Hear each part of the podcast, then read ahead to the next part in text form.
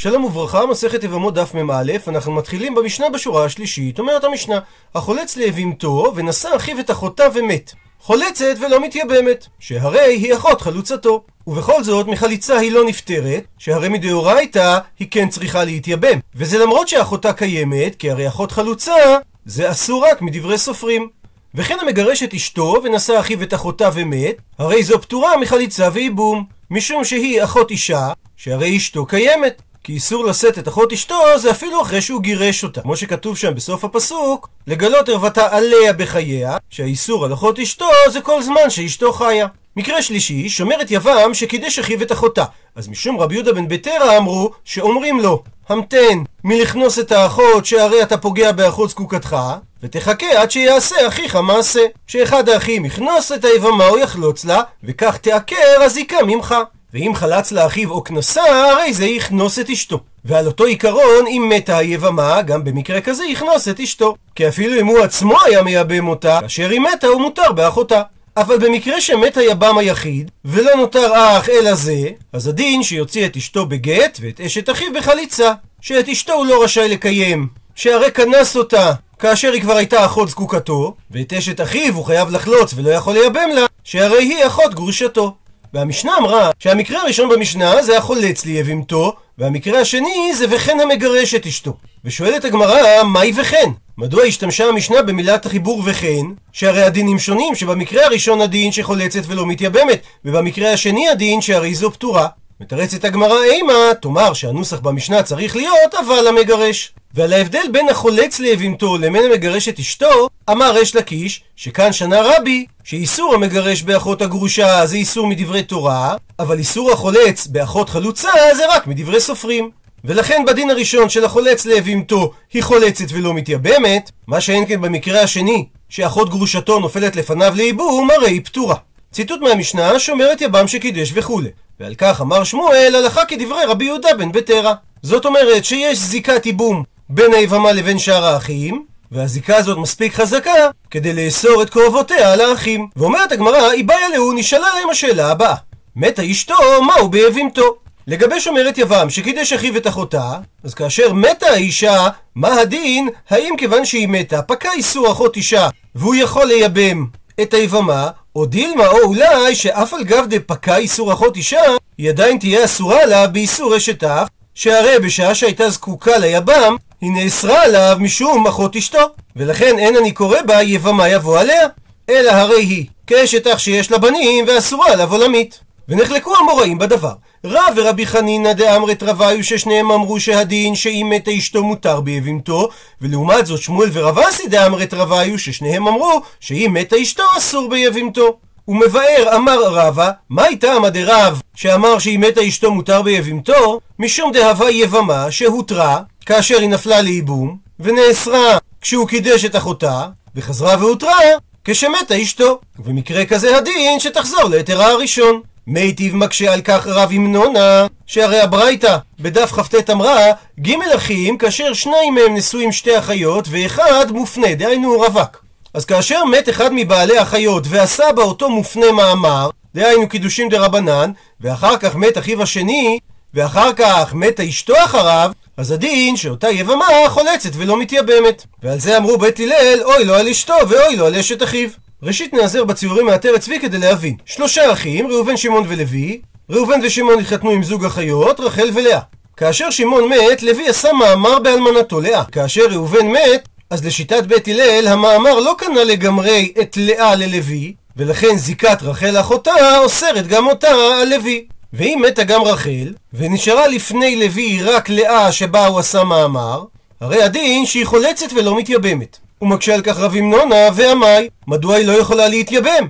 תהיה והיא כיבמה שהותרה ונאסרה וחזרה והותרה שתחזור ליתרה הראשון. שהרי בשלב הראשון, לאה אינה אסורה על לוי משום אחות זקוקתו, והיא נאסרת עליו רק בשלב השני, כאשר גם רחל אחותה נופלת לפניו לייבום. אבל בשלב השלישי, כאשר רחל מתה, הרי לכאורה היא חוזרת ליתרה הראשון. ורבא לא עונה לו אלא אישתיק. אבל לבתר דנפק, אחרי שרב המנונה יצא, אמר רבא לעצמו, עמי לא אמרתי לי שהמשנה שיטת רבי אלעזרי, שהוא דאמר, כיוון שעמדה עליו שעה אחת באיסור, הרי היא נאסרה עליו עולמית. מסביר רש"י שהמקור לדברי רבי אלעזר, זה בפרק בית שמאי, לגבי המגרשת האישה והחזירה, שתנא קמא אמר שהיא מותרת ליבם, אבל רבי אלעזר אוסר אותה על היבם. והסיבה, הואיל ועמדה עליו שעה אחת באיסור גרושת אח, לכן היא אסורה עליו עולמית. אז אומר רבא לעצמו שהוא יכול היה לענות לרב המנונה שהברייתא של ג' אחים, שניים נשואים שתי אחיות ואחד מופנה לא סותרת את הכלל שיבמה שהותרה ונאסרה וחזרה והותרה שתחזור להיתרה הראשון כי הברייתא היא לשיטת רבי אלעזר. הדר אמר, חזר רבא ואמר שלא ניתן לתרץ כך, שהרי אמור דאמר רבי אלעזר, שאם עמדה עליו שעה אחת באיסור נאסרה עולמית, זה רק היכא דלא חזיה בשעת נפילה. אבל היכא דחזיא בשעת נפילה, מי אמר? כי רבי אלעזר אמר את דבריו לגבי המגרשת האישה והחזירה, כך שעוד לפני שהיא נפלה לייבום, היא הייתה אסורה על היבם באיסור גרושת אח. אבל אולי במקרה של הברייתא, כאשר מת אחד מבעלי האחיות ועשה בה האח הרווק מאמר, הרי היא הייתה ראויה לו לייבום בשעת נפילה, ורק לאחר מכן שמת אחיו השני, היא נאסרה עליו משום אחותה. אז מי אמר רבי אלעזר שבמקרה כזה היא תהיה אסורה עליו עולמית? ושוב הדר חזר בו רבא ואמר, אין היא אכן תהיה אסורה עליו עולמית במקרה כזה, למרות שהייתה מותרת לו בשעה שנפלה לייבום. הוכחה לכך והתניא, שהרי שנינו בברייתא על המשנה שלנו, שרבי אלעזר אומר, כאשר מתה יבימתו הוא מותר באשתו, ואם מתה אשתו, אז אותה יבמה חולצת ולא מתייבמת. זה תואם לשיטתו של רבי אלעזר לגבי המגרשת אשתו והחזירה שרבי אלעזר אוסר אותה על היבם, הואיל ועמדה עליו שעה אחת באיסור גרושת אח, שהרי אסורה עליו עולמית. שואלת הגמרא, לימה אז האם נאמר ששמואל ורב אסי דאמרי כרבי אלעזר? שהוא הרי שיטת יחיד?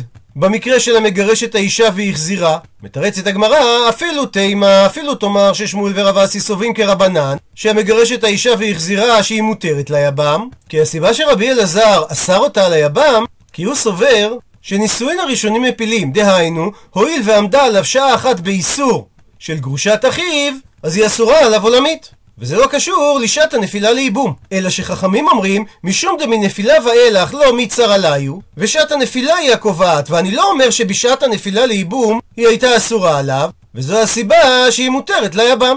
אבל הכא, בברייתא של המקדש אחות יבמתו, שמשעת הנפילה לייבום ואילך דאיתסר, היא נאסרה עליו, אז אני לא יכול לקרוא בה בשעת זיקת הייבום את הפסוק של יבמה יבוא עליה, לכן אפילו רבנן מודו ורבי אלעזר, שבמקרה כזה היבמה נאסרת עליו עולמית. ואומרת המשנה, היבמה לא תחלוץ ולא תתייבם עד שיש לה שלושה חודשים. כפי שכבר למדנו, אנחנו חוששים שהיא מעוברת מבעלה הראשון, ולכן היא אסורה ביבום. לעניין החליצה, הגמרא תפרש מדוע לא חולצים לה. וכן כל שאר הנשים לא יתארסו ולא יינשאו במקרה שהם יתגרשו או יתאלמנו מבעל, עד שיהיו להם שלושה חודשים. ועושה המשנה אישור קו, אחד בתולות ואחד בעולות, אחד גרושות ואחד אלמנות, אחד נשואות ואחד ארוסות. רבי יהודה חולק ואומר שהנשואות שהתאלמנו או שהתגרשו יתארסו מיד, וימתינו שלושה חודשים כדי להבחין בין זרע ראשון לזרע שני. והארוסות שהתאלמנו או שהתגרשו, הרי הם יינשאו מיד, שהרי אין לנו חשש שהיא התעברה מהבעל הראשון. חוץ מן הארוסות שביהודה, והסיבה מפני שליבו גס בה. כפי ששנינו בפרק ראשון של מסכת כתובות, שביהודה היו מייחדים את החתן והכלה קודם כניסתן לחופה, כדי שלא יהיו בושים זה מזה בבעילת המצווה, אלא שיהיה רגיל ומצחק עמה. ולכן ביהודה אנחנו כן חוששים, שלמרות שהיא רק הייתה מאורסת, אולי הוא בעל אותה. דעה שלישית, רבי יוסי אומר, שכל הנשים יתארסו, והוא מתכוון רק לגבי הנשואות, והוא מסכים לדעתו של רבי יהודה, שלא גוזרים נשים מאורסות בגלל נשים נשואות, ולכן נשים ארוסות שהתגרשו או התאלמנו יכולות להינשא מיד. אבל הוא כן חולק על רבי יהודה לגבי חילוק בין אלמנה לגרושה. שאיך רבי יהודה התיר שאלמנה יכולה להתארס בתוך ימי אבלה?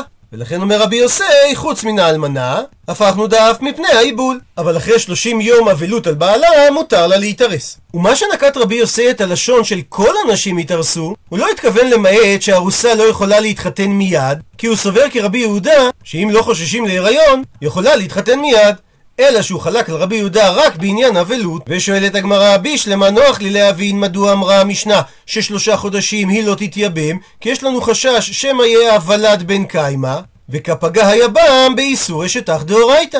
אלא מה שאמרה המשנה, שבשלושת החודשים הללו לא תחלות, עמי מדוע? כי במקרה שהיא לא מעוברת, או שהייתה מעוברת והפילה, אז למה שלא תחלוץ מיד, ואחרי שלושה חודשים תוכל להתחתן? ומקשה הגמרא, אז אם כך, לימא תיבת יובתא דרבי יוחנן? אולי יש בכך קושייה על שיטת רבי יוחנן, דאמר שחליצת מעוברת שמה חליצה, ומוכח מהמשנה שלא התירו לה לחלות שלושה חודשים שמא היא מעוברת, כי חליצת מעוברת לא שמה חליצה. פותחת הגמרא סוגריים ושואלת, ולאו מיוטביני לרבי יוחנן חדא זימנה? האם לא כבר הקשינו על שיטת רבי יוחנן בדף ל"ה? אז למה לא מספיק לציין ששיטת המשנה שחליצת מעוברת לא שמה חליצה? ללא התייחסות לקושייה על רבי יוחנן. אומרת הגמרא, לימה, אז תאמר, מהנמי תיהווה טיובתא. שגם מהמשנה הזאת קשה על רבי יוחנן. הנפקא שגם אם תתרץ את הקושייה הראשונה, עדיין תידחה שיטתו של רבי יוחנן מהקושייה הזאת. את הגמרא שלא קשה על שיטת רבי יוחנן, כי הכא היינו תמה, כאן במשנתנו הטעם, שהיא לא תחלוץ בשלושת החודשים הראשונים, שמא יהא ולד בן קיימא, ואז אין שום צורך בחליצה שלה, ונמצאת האטה מצריכה כרוז לכהונה. כי אנשים שראו שהיא עברה חליצה יחשבו שהיא פסולה לכהונה. שואלת הגמרא, נו אז מה? ונצרכה, אז נצריך אותה את הכרוז הזה. עונה הגמרא, כי דילמה אולי איכא דהווי בחליצה ולא הווי בהכרזה. יש אנשים שיהיו בחליצה ולא ישמעו על ההכרזה, וזה יגרום שהם יפסלו מן הכהונה. וכדי להימנע ממציאות כזאת, אסרו עליה חכמים לחלוץ בתוך שלושת החודשים הראשונים. מקשה הגמרא, תנח לגבי אלמנה, שיש חשש שיפסלו אותה מן הכהונה, אבל אישה גרושה מנישואים ראשוניים קודם שנשאה אחיו של זה ומת, מדוע שלא תחלוץ? הרי גם ככה היא פסולה לכהונה.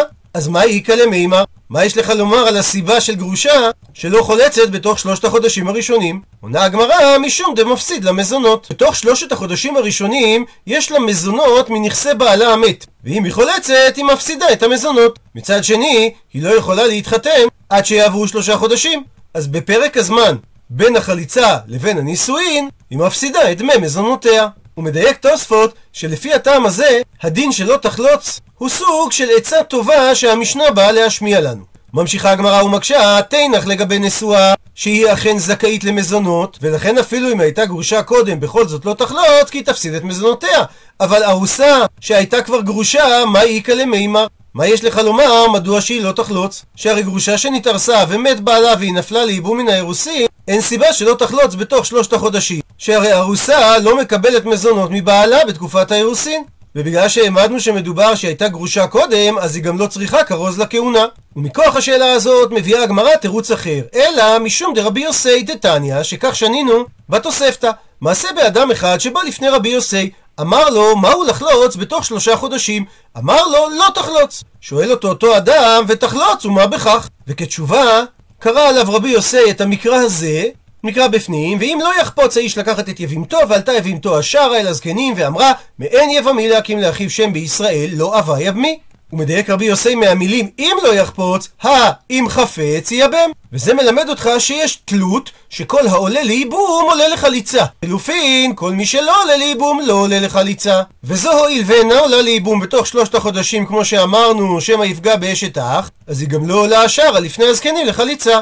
מיטיב מקשה על כך רב חיננה, שיש ברייתא שאומרת הספקות חולצות ולא מתייבמות. ומבררת הגמרא, מהי הכוונה הספקות? אילי, האם תאמר שהכוונה ספק קידושין, כגון שזרק לאחיו קידושין ספק קרוב לו, ספק קרוב לה, ולא ברור אם הם אכן היו נשואים, אז אם כך, המים מדוע לא מתייבמות? שאין סיבה שלא תתייבם ואין בכך כלום, שהרי ממה נפשך? אם היא הייתה נשואה לאחיו, היא הבימתו, ואין בעיה שייבם אותה, ואם זה לא היה קידושין והיא לא הייתה נשואה לאחיו, הרי סתם אישה נוכרית בעלמא שהוא מתחתן איתה. אלא לאו, בהכרח צריך להסביר שהספק הוא שקידש אחת משתי אחיות, ואינו יודע איזו מהן קידש. אז כאשר הוא מת, שתיהן חולצות ולא מתייבמות, כי לא ניתן לייבם אף אחת מהן, כי אולי הוא פוגע באחות זקוקתו.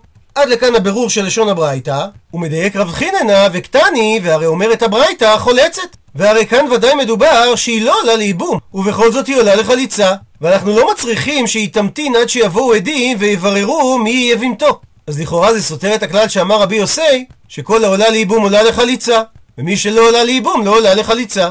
דוחה הגמרא, הכי השתא, מה אתה משווה? הטעם אם יבוא אליהו ויאמר דהא קידש, שהוא קידש את אחות א', הרי היא בת חליצה וייבומי, וממילא היא עולה לייבום. רק שלנו יש חסרון ידיעה של המציאות. לעומת זאת, הכא כאן, במקרה שהיא לא חוטלצת בתוך שלושה חודשים, גם אם יבוא אליהו ויאמר דהה לא יאברה שהיא לא מעוברת, מי משגח בי? ויבמינן לה? האם מישהו יתייחס לאליהו וייבם אותה כי היא לא מעוברת? הרי איסור החליצה לא נובע מזה שאנחנו לא יודעים את המציאות אם היא מעוברת או לא, אלא מכך שחכמים אסרו עליה להתייבם או לחלוץ. ולכן אין סתירה מהכלל של רבי יוסי לברייתא שהעביר רב חיננה לגבי הספקות שחולצות ולא מתייבמות, כי הברייתא מדברת על חיסרון בידיעת המציאות שמונע מאיתנו את אפשרות הייבום, אבל באופן עקרוני, זאת אומרת, אם אליהו היה בא ואומר לנו מה המציאות, לא הייתה בעיה לייבם או לחלוץ. מה שאין כן לגבי חליצה בתוך שלושה חודשים, שבהגדרה היא לא בת ייבום ולכן היא לא בת חליצה. והוכחה לדבר, הקטנה, הרי קטנה דלאו באתי אבורי, היא לא יכולה להיכנס להיריון, ואפילו אחי צריכה להמתין שלושה חודשים. ומכאן הוכחה שההמתנה לשלושה חודשים היא לא רק בגלל החשש של עיבור מהבעל הראשון, אלא שגזרו חכמים אישור קו על כל הנשים להמתין שלושה חודשים מהנישואים הראשונים. ובהמשך למה שאמרנו מקודם, שבשלושת החודשים הללו היבמה ניזונת מנכסי בעלה הראשון, מביאה הגמרא תנו רבנן. שנו רבותינו בברייתא, יבמה שלושה חודשים הראשונים ניזונת משל בעל, שהרי באותם שלושה חודשים היא לא יכולה להינשא בגללו. וכך הוא הרי התחייב לה בכתובה, את תהייתווה בביתי ומתזנה מנכסיי, כל יום אימי גרר מלותך. שכל זמן שהיא מוגדרת כאלמנתו, היא מתפרנסת מנכסיו. מכאן ואילך אינה ניזונת לא משל בעל ולא משל יבם. שבשונה משאר אלמנות, שכל זמן שהן לא מתחתנות עם אדם אחר, יש להן תירוץ לומר שמחמת כבודו של בעלה הראשון היא לא מתחתנת, ולכן היא לוקחת מזונות מנכסיו. אבל היבמה היא אחוזה בזיקת ייבום ביבם, ולכן אין על נכסי הבעל חיוב מזונות כלפיה, ומצד שני, גם על נכסי היבם אין חיוב עד שהיא תיכנס לחופה איתו. ואם אחרי שלושה חודשים היא תבעה אותו בדין, שאו שתכנוס אותי או שתפתור אותי, ואחרי שהוא עמד בדין וברח, אז במקרה כזה ניזונת משל יבם, שחכמים כנסו אותו על זה שהוא משאיר אותה תלויה באוויר. ובמקרה שהיא נפלה לפני יבם קטן, אז מהיבם לית למזונות, עד שהיא תיכנס איתו לחופה, אז בינתיים מבעל מאי? האם יש לה מזונות מנכסי בעלה הראשון? מביאה על כך הגמרא מחלוקת המוראים. פליגי בה נחלקו בדבר רבחה ורבינה. חד אמר איתלה, יש לה מהבעל הראשון מזונות, וחד אמר לית לה מהבעל הראשון מזונות. ומכריעה הגמרא והלכתה, לית לה, למה? כי משמיא כנסוה. שזה המזל שלה, כאילו מהשמיים כנסו אותה, שנפלה לפני יבם קטן. עד לכאן דף מ"א.